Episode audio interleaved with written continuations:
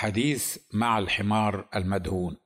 طلعتنا وسائل الإعلام والاتصال الإلكتروني وخاصة الفيسبوك والمجلات والمحطات التلفزيونية المحلية والعالمية بخبر مدهش ومثير. ذكرت فيه جميعها أن زائرا للحديقة الدولية كتب يقول الحديقة الدولية دهن حمار عادي بخطوط سودة عشان يبقى حمار وحشي والصبغه ساحت على وشه. أنتم مدركين وصلنا لفين؟ وما أن وضع هذا الشخص البوست على الفيسبوك إلا وانتشر انتشار النار في الهشيم. وقامت اليوم السابع بالتوجه إلى المحافظة للوقوف على حقيقة الأمر. وتفاعل رجال المحافظة مع قصة الحمار المدهون. وأدلى كل بمعلوماته وتأكيداته وتكذيبه للخبر. واهتمامه واهتمام الهيئة المشرفة على حدائق الحيوان في مصر براحة وصحة وتغذية الحيوانات جميعا بما فيها الحمار الوحشي المخطط. والغريب أن أغلب المنفعلين والمتحمسين والمتضامنين مع الحمار الوحشي والذين أدلوا بآرائهم وتعليقاتهم السريعة والقاطعة في قصة هذا الحمار وخاصة من رجال محافظة القاهرة لا يكترثون في معظم الأوقات لما يحدث مع البشر في مصر بصورة عامة وخاصة مع المسيحيين منهم. ولا تسمع لهم صوت عند طلب المسيحيين موافقتهم بإقامة كنيسة أو اعتماد كنيسة قائمة منذ سنين أو التدخل بسبب هدم واجهة كنيسة في العمرانية أو الجيزة أو القاهرة.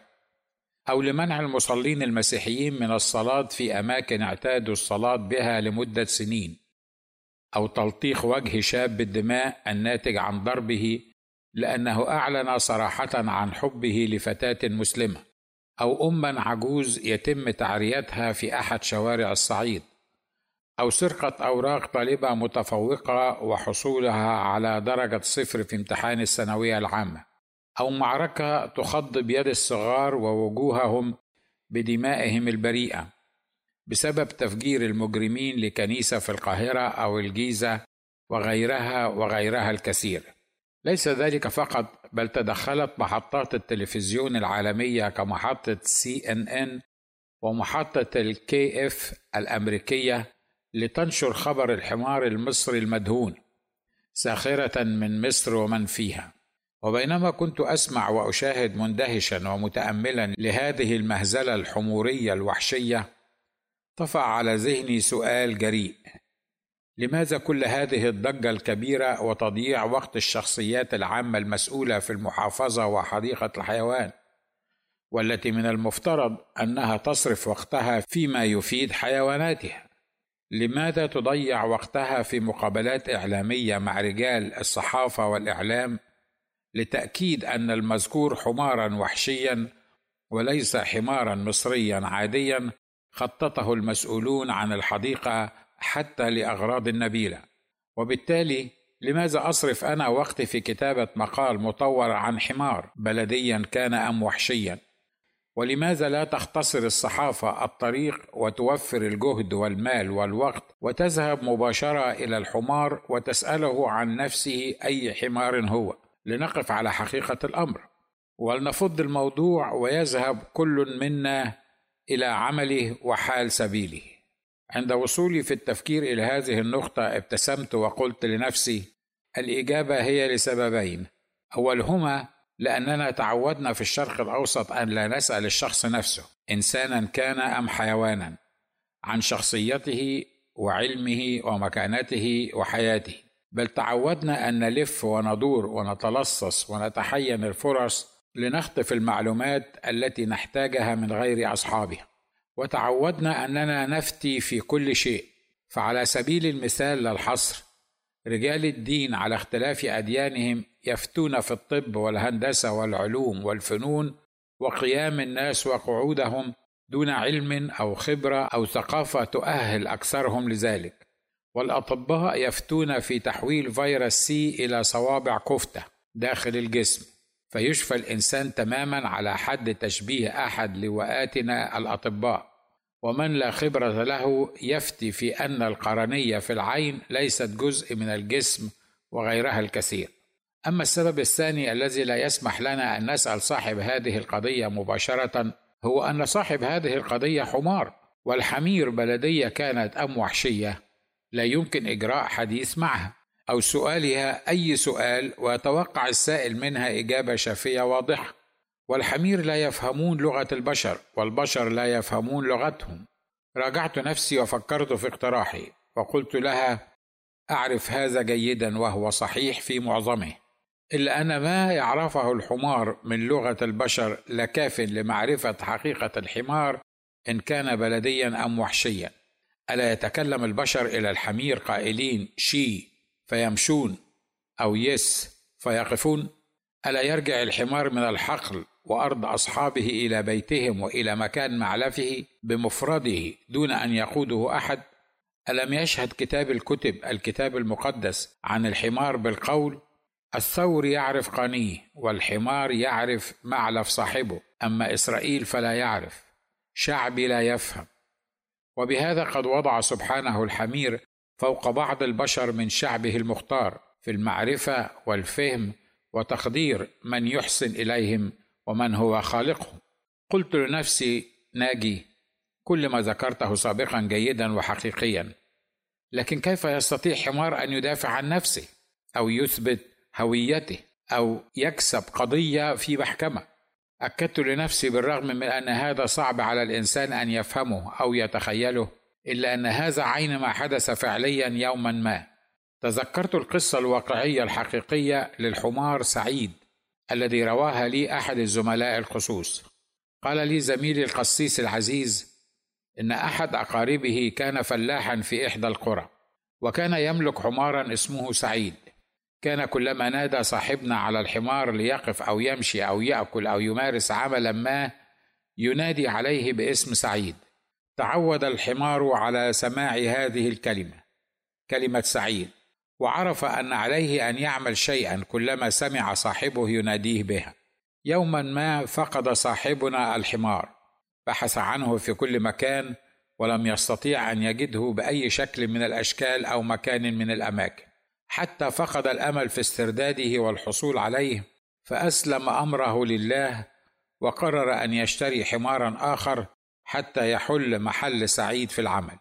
ذهب صاحبنا إلى سوق الحيوانات في قريته ليشتري حمارا.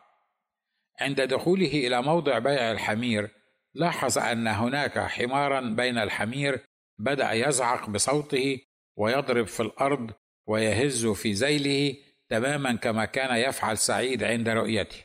نظر صاحبنا إلى الحمار وقال في نفسه هل يمكن أن يكون هذا حمار سعيد؟ أجاب ممكن لكن لون سعيد حماري كان رمادي. أما هذا الحمار فأسود اللون. قرر صاحبنا أن يجري اختبار مع الحمار ليعرف إن كان هو سعيد حماره أم لا. رجع عدة خطوات للخلف حتى غاب بعيدا عن عيني الحمار. ثم نادى بصوت عال سعيد تعال. خرج الحمار الأسود مسرعا من بين الحمير وجرى نحوه وأخذ يعمل نفس الحركات والأصوات التي تعود صاحبنا عليها من حماره. تأكد صاحبنا أنه سعيد حماره لا محالة. فدخل في معركة كلامية ثم اشتباك بالأيدي مع بائع الحمار بعد أن اكتشف أن هذا هو حماره سعيد الرمادي. وقد تمت سرقته ودهنه باللون الأسود لإخفاء معالمه وشخصيته. انتهى الأمر بين الرجلين المتصارعين على ملكية الحمار في قسم البوليس. وهناك أخذ الحمار إلى اسطبل الخيل في قسم البوليس. وأمام مأمور القسم وقف صاحبنا يقول هذا حماري وقد سرقه هذا الرجل اللص والسارق ينفي هذه التهمة عنه ويسأل صاحبنا عن لون حماره هل كان أسود أم أبيض أم رماديا؟ ويؤكد أنه لم يسرق الحمار بل هذا حماره هو. وصاحبنا يجيب بإصرار هذا حماري أنا. كان رمادي اللون وأنت لونته باللون الأسود. فيحلف الرجل البائع ثلاثة بالله العظيم أن هذا حماري أنا وهذا لون الحمار الطبيعي الأصلي. وأنا لم أغير لونه. احتار مأمور القسم في كيف يحل هذه المشكلة. كيف يثبت أن هذا لون الحمار الطبيعي ولم يلونه من ادعى أنه صاحبه؟ قبل أن يستخدم سياده المأمور مع الرجلين الطرق البوليسية المعروفة والشهيرة في إجبار الناس على الاعتراف سواء بالحقيقة أو بغيرها قال صاحبنا للضابط سيادة المأمور أنا سأحل لك المشكلة بطريقة سهلة بسيطة ومؤكدة. لقد تعودت أن أنادي على حماري هذا باسم سعيد. فاسمح لي يا سيادة المأمور أن أخرج خارج مكتبك وأنادي على الحمار بهذا الاسم. إن جاء إلينا إلى هنا يكون حماري وإن لم يأتي فاعط الحمار لهذا الرجل. تحجب المأمور من الأمر فكيف يأتي الحمار عندما يسمع اسمه سعيد؟ لكنه سمح لصاحبنا أن ينادي على حماره. وقفوا جميعا بعيدا خارج الاسطبل. ونادى صاحبنا بأعلى صوته قائلا سعيد تعال.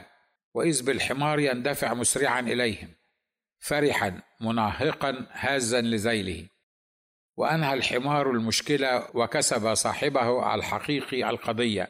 ليس الحرامي الكذاب الغشاش من لونه وأراد إخفاء هويته وادعى أنه حمار. ضحكت بيني وبين نفسي وأنا أتذكر هذه الحادثة التي حدثت بالفعل. وقلت لنفسي هذا صحيح. يا ليتني كنت أفهم لغة الحمير حتى أذهب إلى الحمار المدهون وأعتذر له عن تداول أخباره على صفحات التواصل الاجتماعي دون علمه ودون أن نسأله أو نكترث بخصوصياته أو الحصول على موافقته قبل نشرها. وليؤكد له أنني متعاطف معه تماما وأرفض رفضا باتا إهانته بأي طريقة من الطرق وأقدر حق التقدير مشاعره الجريحة للحديث عنه في كل مكان. وأؤكد له أن آيات كتابنا المقدس المنزلة من عند الله تعالى لا تتفق مع ما حدث له اطلاقا بل تراعي نفسية البهائم كما يهمها نفسية البشر والدليل على ذلك ما ورد في الآية الكريمة أمثال 12 عشره الصديق يراعي نفس بهيمته أما مراحم الأشرار فقاسية. وفي الوقت نفسه أسأله عن شخصه من هو هل هو حمار بلدي أم وحشي؟ كما أسمته حديقة الحيوان في تأكيدها أنه حمار وحشي غير مدهون. وأسأله عن خبر دهنه المنتشر على وسائل الإعلام المحلية والعالمية هل حقا تم دهنه أم لا؟ وإن كانوا دهنوه فمن قام بهذه الجريمة الشنعاء؟ ليس في حق الحمير فحسب بل في حق المصريين جميعا. وكيف شعر وهو يؤخذ من حظيرته وحياته وبيته وبيئته وأمه وأبيه وإخوته الحمير العاديين لدهنه ومسخ شخصيته؟ وكيف أجبر على الصمت وإخفاء شخصيته وغيرها الكثير من الأسئلة المهمة التي لابد أن يجيب عليها بنفسه حتى نقفل هذا الملف بعد الحديث مع الحمار المدهون. تركت لنفسي العنان في التفكير في هذا اللقاء فوجدتني أذهب إلى حديقة الحيوان وأقف بين الواقفين أمام الحمار المدهون والمحبوس وراء القضبان في قفصه الحديدي لخطورته. عشرات الناس تقف أمامه موجهين الاصبع إليه بلا شفقة أو تفكير. وكأنه متهم خطير في قضية غش وتزوير دولية كبرى لشخصيته وانتحال صفة الغير ومتهم بكذبه وخداعه لزائري حديقة الحيوان ومحكوم بإدانته وينتظر حكم تبرئته من تهمة تغيير هويته وقبول عملية دهاء وتخطيط غير شرعي لنفسه ليتحول من حمار بلدي إلى حمار وحشي. وينتظر قاضيا عادلا يعرف طبيعته قاض لا يتأثر بكلام الكبار أو الظروف المحيطة بقضيته أو حتى بتناول وسائل الإعلام القضية والفصل فيها قبل حكم القاضي. كما يحدث في الغالبية العظمى من القضايا على اختلافها. قاض يحكم بما أنزل الله في خلائقه من تبرئة البريء واستذناب المذنب والحكم بعقابه. وينشر على الملأ قراره الأخير. شاهدته وهو يتمشى ببطء في المكان الموضوع فيه والذي يبدو بالنسبة له زنزانة يصبو إلى الفرار منها. الناس بعضهم يضحك وبعضهم يضرب الكف على كفه هو أو على كف من بجانبه. وكعادتنا نحن المصريين في إطلاق النكات على أي حادثة حتى لو كانت محزنة ومؤسفة كهذه الحادثة كان بعضهم يطلق النكات على هذا الحمار وبعضهم على الحمير جميعهم وبعضهم يكني في نكاته على الحمير عن شخصيات عامة وهامة معروفة لنا وللجميع في حديثي عن هذا الحمار دون النطق بأسمائها خوفا من عقاب أصحابها. كانت ملامح وجهي حزينة غاضبة على كل ما وصل إليه الغالبية العظمى من شعبنا من تبلد بل وتحجر في المشاعر والعواطف وتفاهه وضحاله في التفكير والاهتمامات وفراغ نفسي وعقلي وزمني. حتى أن هذا الجمع الغفير جاء معظمه ليلقي نظرة على حمار حتى لو كان وحشيا أو بلديا لمجرد أنه أصبح مشهورا ومعروفا بعد أن تناقلت الميديا العالمية قصته. عندما اقتربت منه حذرا فلم أكن أريد أن أزيد على ألمه ألما. رفع رأسه وبعيون دامعه نظر لي وكأنه يعاتبني ويستشهدني على ما وصل إليه بنو جنسي من البشر. لكنه من الجانب الآخر أبدى استعدادا كبيرا لإجراء حديث صحفي معي حتى قبل أن أطلب منه ذلك.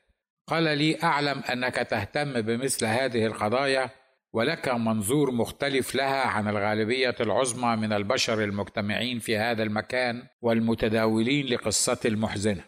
فقد سمعنا عنك نحن معشر الحيوان من عدة سنين عندما أجريت حديثا مع خنزيرة حي الزبالين يوم أن قتلت الحكومة المصرية كل خنازير المسيحيين بحجة منع انتشار إنفلونزا الخنازير. وبالأمارة كان عنوان حديثك الصحفي يومها هو حديث مع خنزير هارب. لذا فمن اللحظة الأولى التي رأيتك فيها بين الجموع علمت لماذا أنت هنا وأريد أن أقول لك أنني أرغب في إجراء حديث معك لجريدتك الطريق والحق. قلت أشكرك سهلت علي المهمة. فلهذا بعينه جئت اليوم لمقابلتك. قلت في البداية أود أن أشكركم على خدماتكم أنتم معشر الحمير للجنس البشري وعملكم الدائم في صمت ومساعدتكم لنا وخاصة في طول أرض مصر وعرضها من أسوان إلى الإسكندرية.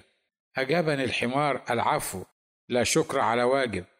وخصوصا أننا كحيوانات خادمة لكم نعلم أن الغالبية العظمى منكم أنتم جنس البشر لا تشكرون أحد حتى من البشر أمثالكم إلا لمصلحتكم أو عند احتياجكم لشيء منه أو إذا قدم لكم خدمة كبيرة.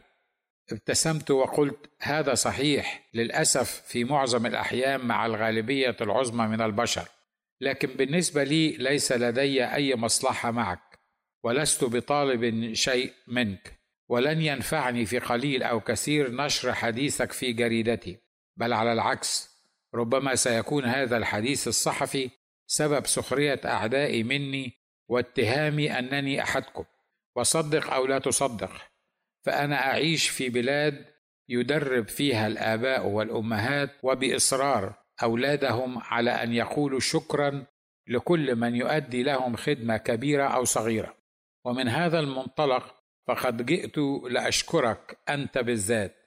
ابتسم وقال أعلم هذا ولكن لماذا أنا بالذات؟ قلت لاسباب كثيرة لأنك تقف هنا لساعات طويلة محتملا غباوة الكثيرين من شعبنا الواضحة في نظراتهم الفضولية أو تعليقاتهم الغبية أو حتى إشاراتهم بأيديهم عليك. تقف لا لشيء إلا لكي يتفرج الناس عليك ويستمتعون برؤيتك. قال والحمد لله أنهم يظنون أنني حمار وحشي فيخافون ولا يحاولون الاقتراب مني أو ركوبي أو حتى لمسي كما يفعلون مع أخي المسكين الواضح أنه حمار بلدي. قلت عظيم هل يعني هذا أنك لست حمارا بلديا؟ أفأنت اذا حمار وحشي؟ نظر إلي الحمار طويلا وقال ليس هذا هو بيت القصيد أن أكون نوعا خاصا من الحمير بلدي أو وحشي أو حتى إنساني. ففي النهاية يا صديقي كلنا حمير بشكل أو بآخر. أجبته لا مع احترام الكامل لك كحمار إلا أنني أختلف معك في هذه الجزئية المهمة. فلقد خلقنا الله من نسل آدم وحواء لا من نسل زيبرا أو حصاوي. اجابني الحمار ضاحكا وقال كنت متاكدا أنك ستقول لي هذه الحجة الواهية. فأنتم يا بني البشر من الأنانية بحيث أنكم تتصرفون وكأنكم الخلائق الوحيدة التي خلقها الله على هذه الأرض. ولا تعيرون أي خلائق أخرى انتباه. ولا ترون دورها في الحياة إلا من خلال نظارة احتياجكم لها. فإذا ما قضيتم منها أو معها حاجتكم تركتموها تعاني الوحدة والألم والعذاب فتضربونها بالنار أو تقضون عليها. سألته هل من دليل على ما تقول؟ فكم منا نحن البشر من أحبكم أيها الحيوانات ودفع في سبيل شرائكم المال الكثير إن كنتم كلابا أو قططا أو حميرا أو عصافير. هل تعرف كم من المال يدفع صاحب ومربي الحيوان في أكله ونظافته وقص شعره؟ قال الحمار المدهون أعلم لكن هل يدفع الإنسان كل هذه الأموال رفق بالحيوان وإكراما له ومحاولة لإسعاده أم يدفعها لرغبة في نفسه وإرضاء لأنانيته واشباعا لرغباته من تسلية وضحك وتضييع للوقت؟ أو يدفع هذه الأموال لمرضه بحب الظهور أمام أصحابه وكأنه من أولاد الأكابر لأنه يملك كلبا يمشي به في الطريق العام وكأنه يدعو الناس جميعا لإبداء إعجابهم به. والحمد لله الذي لا يحمد على مكروه سواه. اننا معشر الحمير من ضخامة الجسم وقبح الوجوه وأنكر الأصوات على الأقل في عرفكم أنتم البشر كما تصفوننا بما يضمن لنا أن البشر لن يربطونا بحبل ليتباهوا بنا في الشوارع أمام الناس. قلت وبالرغم من كل ما قلته من تصرفات خاطئة من البشر نحوكم أنتم البهائم إلا أن الله سبحانه خلقنا كبشر وخلقكم كحمير فنحن مختلفون تماما. ثم أكملت وقلت له لا مؤاخذه هناك فرق بين الحمار والإنسان. فالحمار حمار والإنسان إنسان. قال الحمار. هل تعلم ماذا يحدد من هو الحمار ومن هو الإنسان؟ بالطبع بمفهومكم أنتم البشر. سألته ماذا؟ قال أنتم تعتقدون أن الإنسان يرى ويفهم أشياء أو أشخاصا لا يمكن للحمار استيعابها. قلت نعم هذا بالتأكيد. لم يعلق الحمار على إجابتي واستمر في الكلام. وقال وتعتقدون أن الإنسان يمكن أن يتكلم بلغة يفهمها الإنسان مثله؟ ولا يفهمها الحمار. أما الحمار فلغته في التعامل مع الإنسان تقتصر على قليل من الحركات وردود الأفعال. قلت اشرح لي.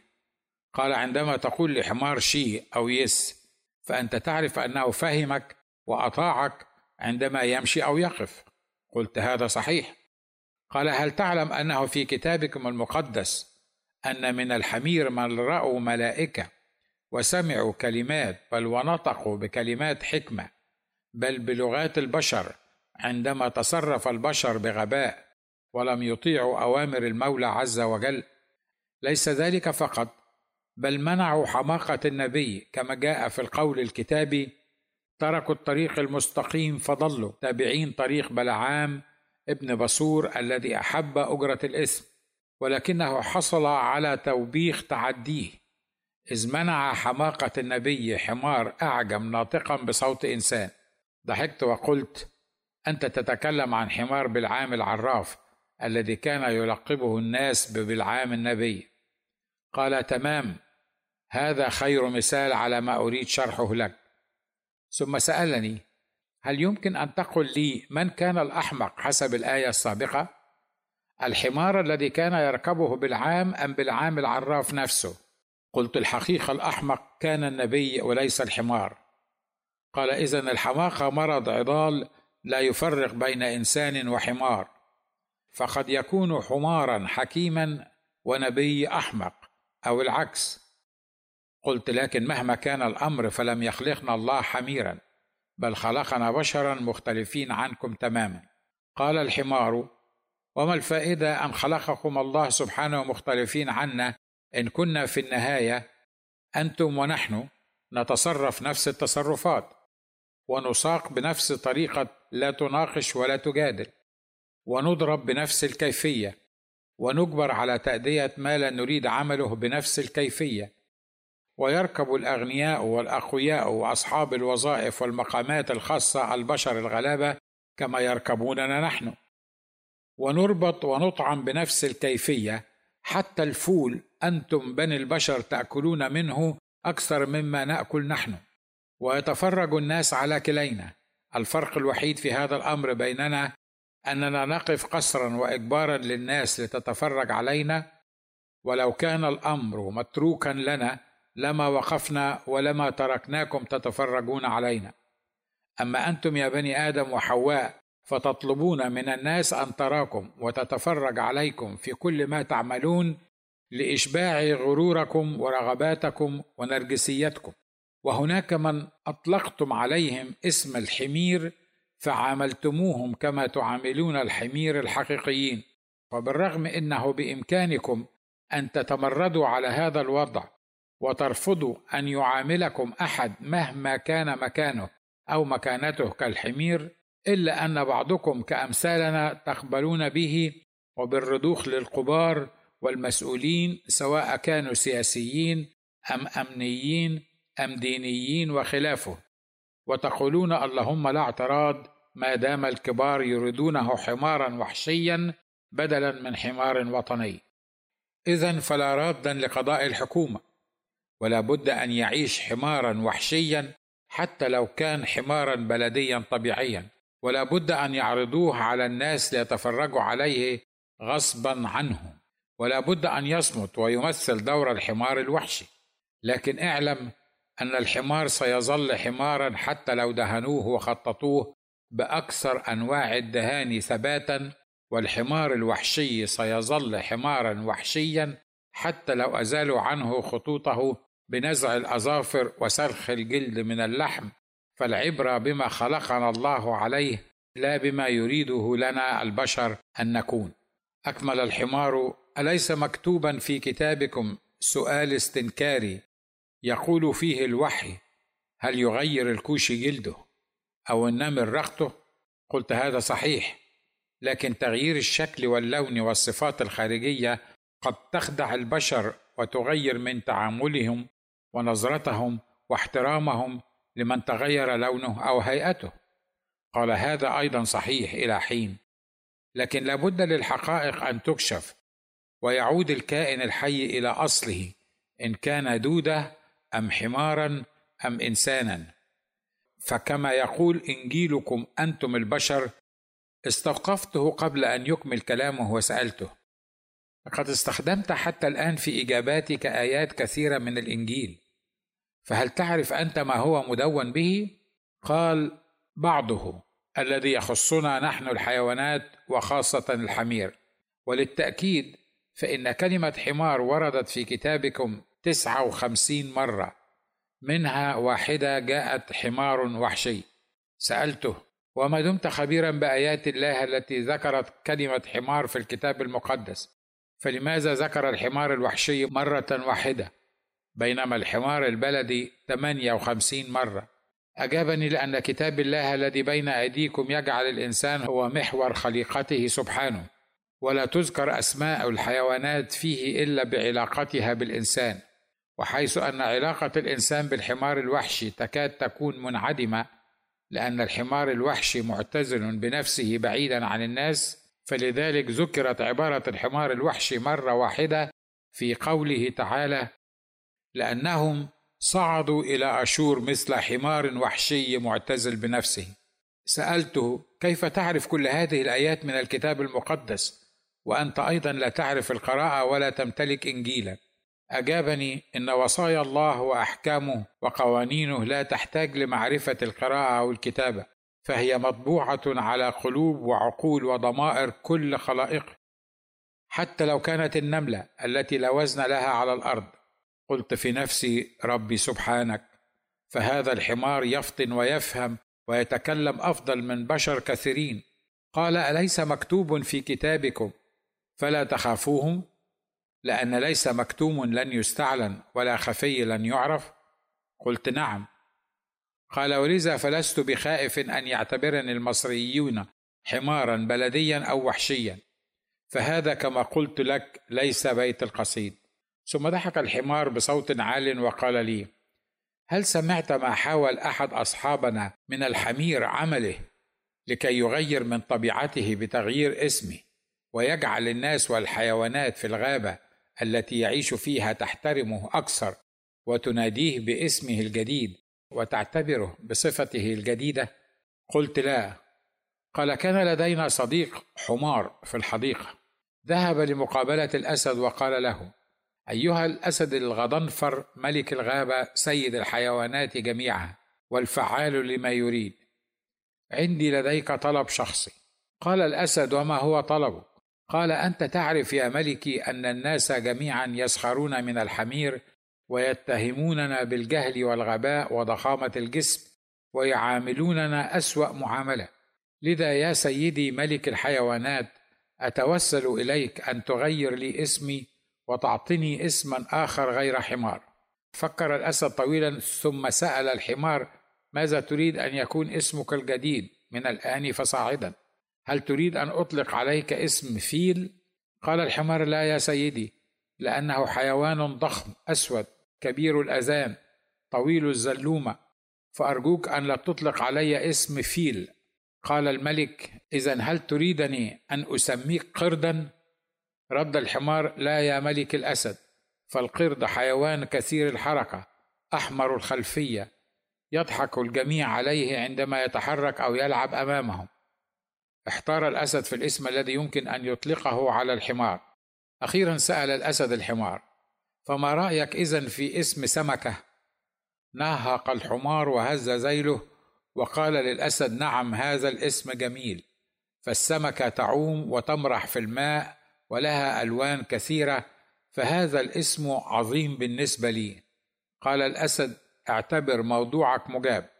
سأطلب من كل حيوانات الغابة من الآن فصاعدا أن ينادوك باسم سمكة. شكر الحمار الأسد وخرج من لدنه فرحا ومشى يتراقص ويتمايل ويهز في ذيله من الفرح وهو يسير في الغابة. رآه القرد من بعيد فاقترب منه وسأله لماذا كل هذا الفرح والرقص والسعادة؟ أجاب الحمار الأسد اسماني سمكة. ومن هنا إلى ما شاء الله لابد لكل الحيوانات أن تناديني يا سمكة. ضحك القرد من قلبه وسأل الحمار أنت بتعرف تعوم؟ رد الحمار لا. قال القرد تبقى حمار كنت أضحك من قلبي بصوت عال بعد أن سمعت هذه القصة. وكان الحمار صامتا. ثم نظر لي وقال ليس المهم شكلك أو اسمك أو فصيلتك. المهم من أنت داخلك. وما هي صورتك الحقيقية أمام نفسك وأمام الله الذي خلقك فسواك فعملك. سألت الحمار وقلت هل تعلم أنك أصبحت واحدا من أشهر الحمير في العالم؟ لأن الإذاعات والتلفزيونات العالمية تتكلم عنك وتحاول معرفة من الذي قام بدهان جسدك لتصبح على ما أنت عليه اليوم؟ أجابني نعم أعلم. قلت وما هو رد فعلك لذلك؟ قال ماذا ينفعني أن أكون حتى أشهر حمار في العالم وأنا محبوس وراء هذا السياج لا أستطيع الخروج من مكاني؟ فلو كانت شهرتي يمكن أن تأتي لي بفيزا لأمريكا ثم بال green card الأمريكي لكنت أحببت الشهرة وقدرتها حق قدرها. قلت للحمار المدهون هل تلاحظ أنك إلى الآن لم تقل لي إن كنت حمارا بلديا مدهونا لتمثل دور الحمار الوحشي أم أنك حقا حمار وحشي؟ تنهد الحمار ثم قال إجابة هذا السؤال صعبة جدا علي إجابته. لأن الإجابة ستسبب كثيرا من المشاكل لي وللمسؤولين الآن بعد التعليقات الكثيرة التي كتبت عني في الفيسبوك وذكرت في وسائل الإعلام المحلية والعالمية والتصريحات التي أدلى بها المسؤولون عن حديقة الحيوان المصرية الدولية وتدخل المسؤولين ورجال الطب البيطري ومحافظة القاهرة والجيزة في حرج كبير. أجبت الحمار معك حق وأتفق تماما معك في هذا الأمر. لكن من حق المواطن المصري العادي وخاصة الذي دفع تذكرة دخول للحديقة ليراك من حقه أن يعرف إن كنت مدهونا أو غير مدهون. ضحك الحمار وقال يا صديقي كلنا مدهونون في هذه الأرض. قلت كيف نكون كلنا مدهونين يا سيد حمار؟ أجابني في تعجب وقال كم من جبان خائف فيكم يا بني البشر؟ دهن نفسه بصبغة الشجاع والقوي. وكم من جاهل أحمق من بعض الحمير دهن نفسه بصبغة الحكيم. كم من امرأة قبيحة الوجه ذات الثمانين ربيعا دهنت نفسها بمصاحيق وأطالت رموشها وأظافرها لتبدو جميلة الأربعين عام. كم من رئيس لمصر خطط ونفذ للقضاء على المسيحيين كما أعلن هو صراحة في عشر سنين ودهن نفسه بالزبيبة والمسبحة والعباءة وأطلق على نفسه الرئيس المؤمن المسلم لدولة مسلمة. وارتكب ما يعف الحمير الوحشي عن ارتكابه معكم يا مسيحي مصر. كم من قسيس وكاهن دهن منظره الخارجي باللبس الأسود أو البلط المزركش أو الياقة البيضاء ليظهر للناس الآب التقي الورع. فتم فيه ما قال المسيح تبارك اسمه لرجال الدين في القديم أنكم تشبهون القبور المبيضة المدهونة ومن الداخل مملوءة عظام أموات وكل نجاسة. ألم يحذركم السيد المسيح له المجد من الذين يدهنون أنفسهم بثياب الحملان وهم في الحقيقة ذئاب خاطفة. ألا يوجد الكثيرون الذين يدهنون أنفسهم بصورة التقوى ولكنهم منكرون قوتها؟ لاحظ الحمار المدهون انفعالي مع كل ما يقول ومحاولة إيقافه حتى لا يجرني في دينونة الآخرين. فقال لي سأثبت لك نظريتي.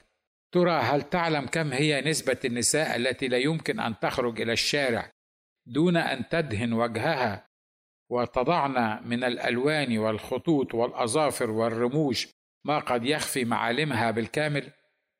قلت أتفق معك نسبة كبيرة منهن. قال وبقية النساء يخرجن إما محجبات أو منقبات وهو أيضا نوع من الدهان لإخفاء المعالم أو المفاتن وخلافه. قلت وأتفق معك في ذلك أيضا.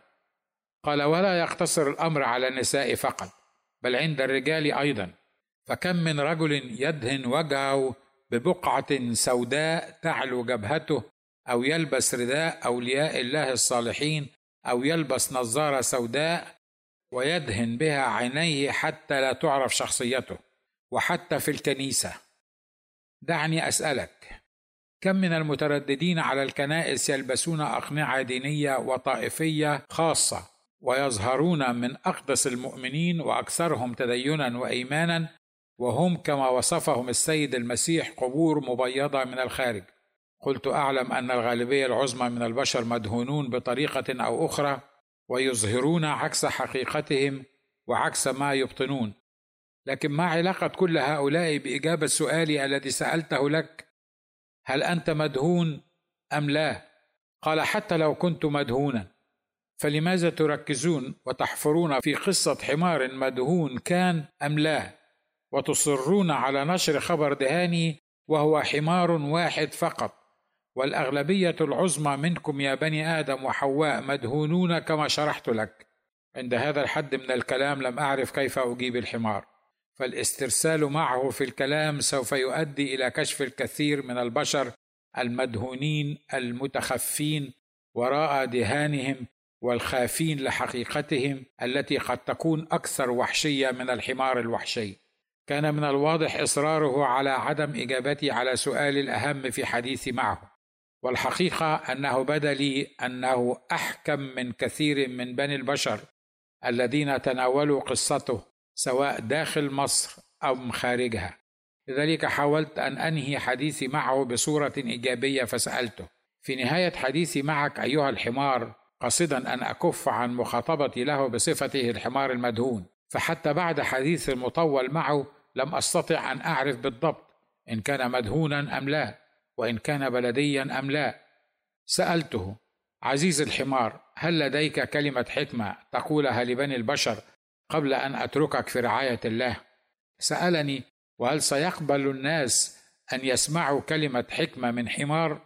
قلت سيسمعون. لا لأنك أحكم منهم في خلقك ولا لأنك أنت حمار وقلتها بل لأن نبي المولى أيوب قالها يوما حكمة في كتابنا المقدس. أيوب 12 سبعة.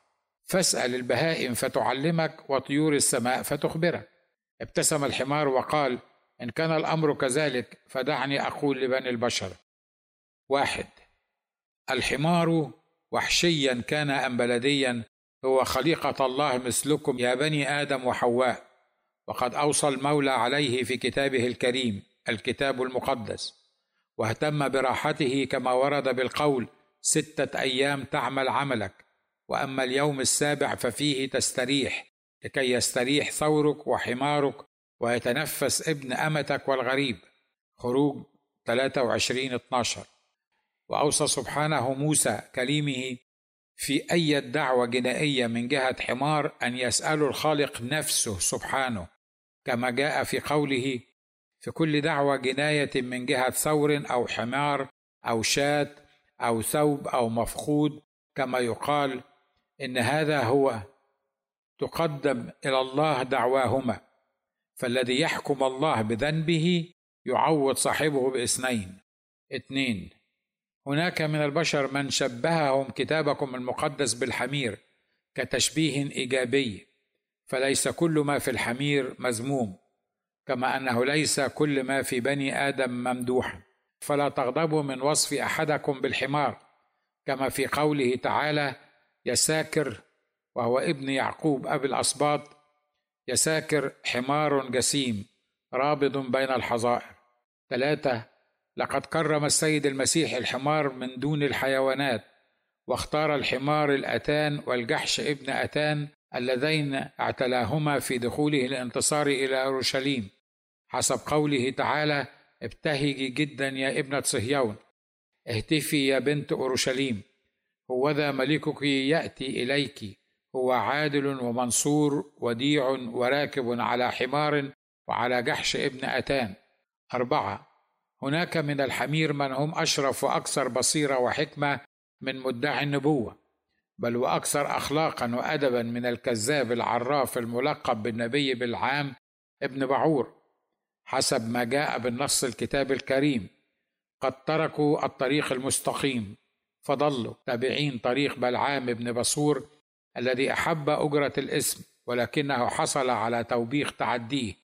إذ منع حماقة النبي حمار أعجم ناطقا بصوت إنسان. خمسة أقول لبني البشر وخاصة المؤمنين منهم بالمسيح ربا ومخلصا وسيدا على حياتهم اسمعوا نصيحة من حمار. لا تهتموا بما حدث ويحدث مع الحمير من كل الأجناس والأنواع والألوان كما اهتم شاول بن قيس ملك إسرائيل الأول. فأنتم ملوك وكهنة لله أبيكم.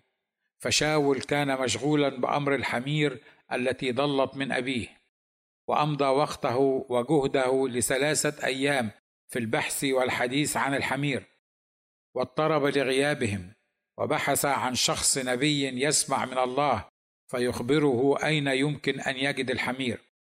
في الوقت الذي كانت فيه إسرائيل ككل على شفا حفرة من النار الشعب ثائر على القيادات الإدارية والدينية المتمثلة في نبي الله صمويل وهم يطلبون منه أن يختار لهم ملكا غير الله يمشي أمامهم كسائر الشعوب.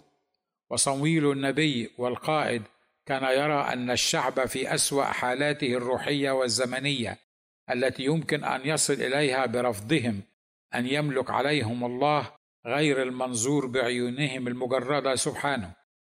وطلبهم أن يملك عليهم إنسانا منظور لهم بعيونهم المجردة يرونه بعيونهم ويلمسونه بأيديهم ويتحدثون إليه فما لفم وهو يسير أمامهم. وفي بحثه عن الحمير التقى بصمويل النبي ومسحه صمويل ملكا على إسرائيل وهو ما زال يبحث عن الحمير. ولا يعلم أن لله خطة مختلفة في حياته وعليه أن يترك الحمير ويهتم كملك بمصلحة شعب الله. ستة. اعلموا أن كتابكم العظيم يقول إنسان في كرامة ولا يفهم يشبه البهائم التي تباد ومن يعيش لنفسه ولا يكون غنيا لله يعيش كالحيوان فيبتل جسده من ندى الليل ويطرد من بين الناس مثل ما عاش نبوخذ نصر لسبع سنين من حياته وعند موته يتم فيه القول الكتابي يدفن دفن حمار مسحوبا ومطروحا بعيدا عن أبواب أورشليم. سبعة. أخيرا أنصح المصريين جميعا وبالأخص شعب المسيح في مصر أن لا تسرعوا لتصديق القنوات التلفزيونية دون التحقق من صحة الحادثة فكلها مغرضة مقودة وليس الحق فيها. شكرت الحمار المدهون وقلت له سأتابع معك الحديث في لقاء آخر بإذن الله وعندما تخبرني إن كنت حمارا وحشيا حقيقيا أو أنت الحمار المدهون.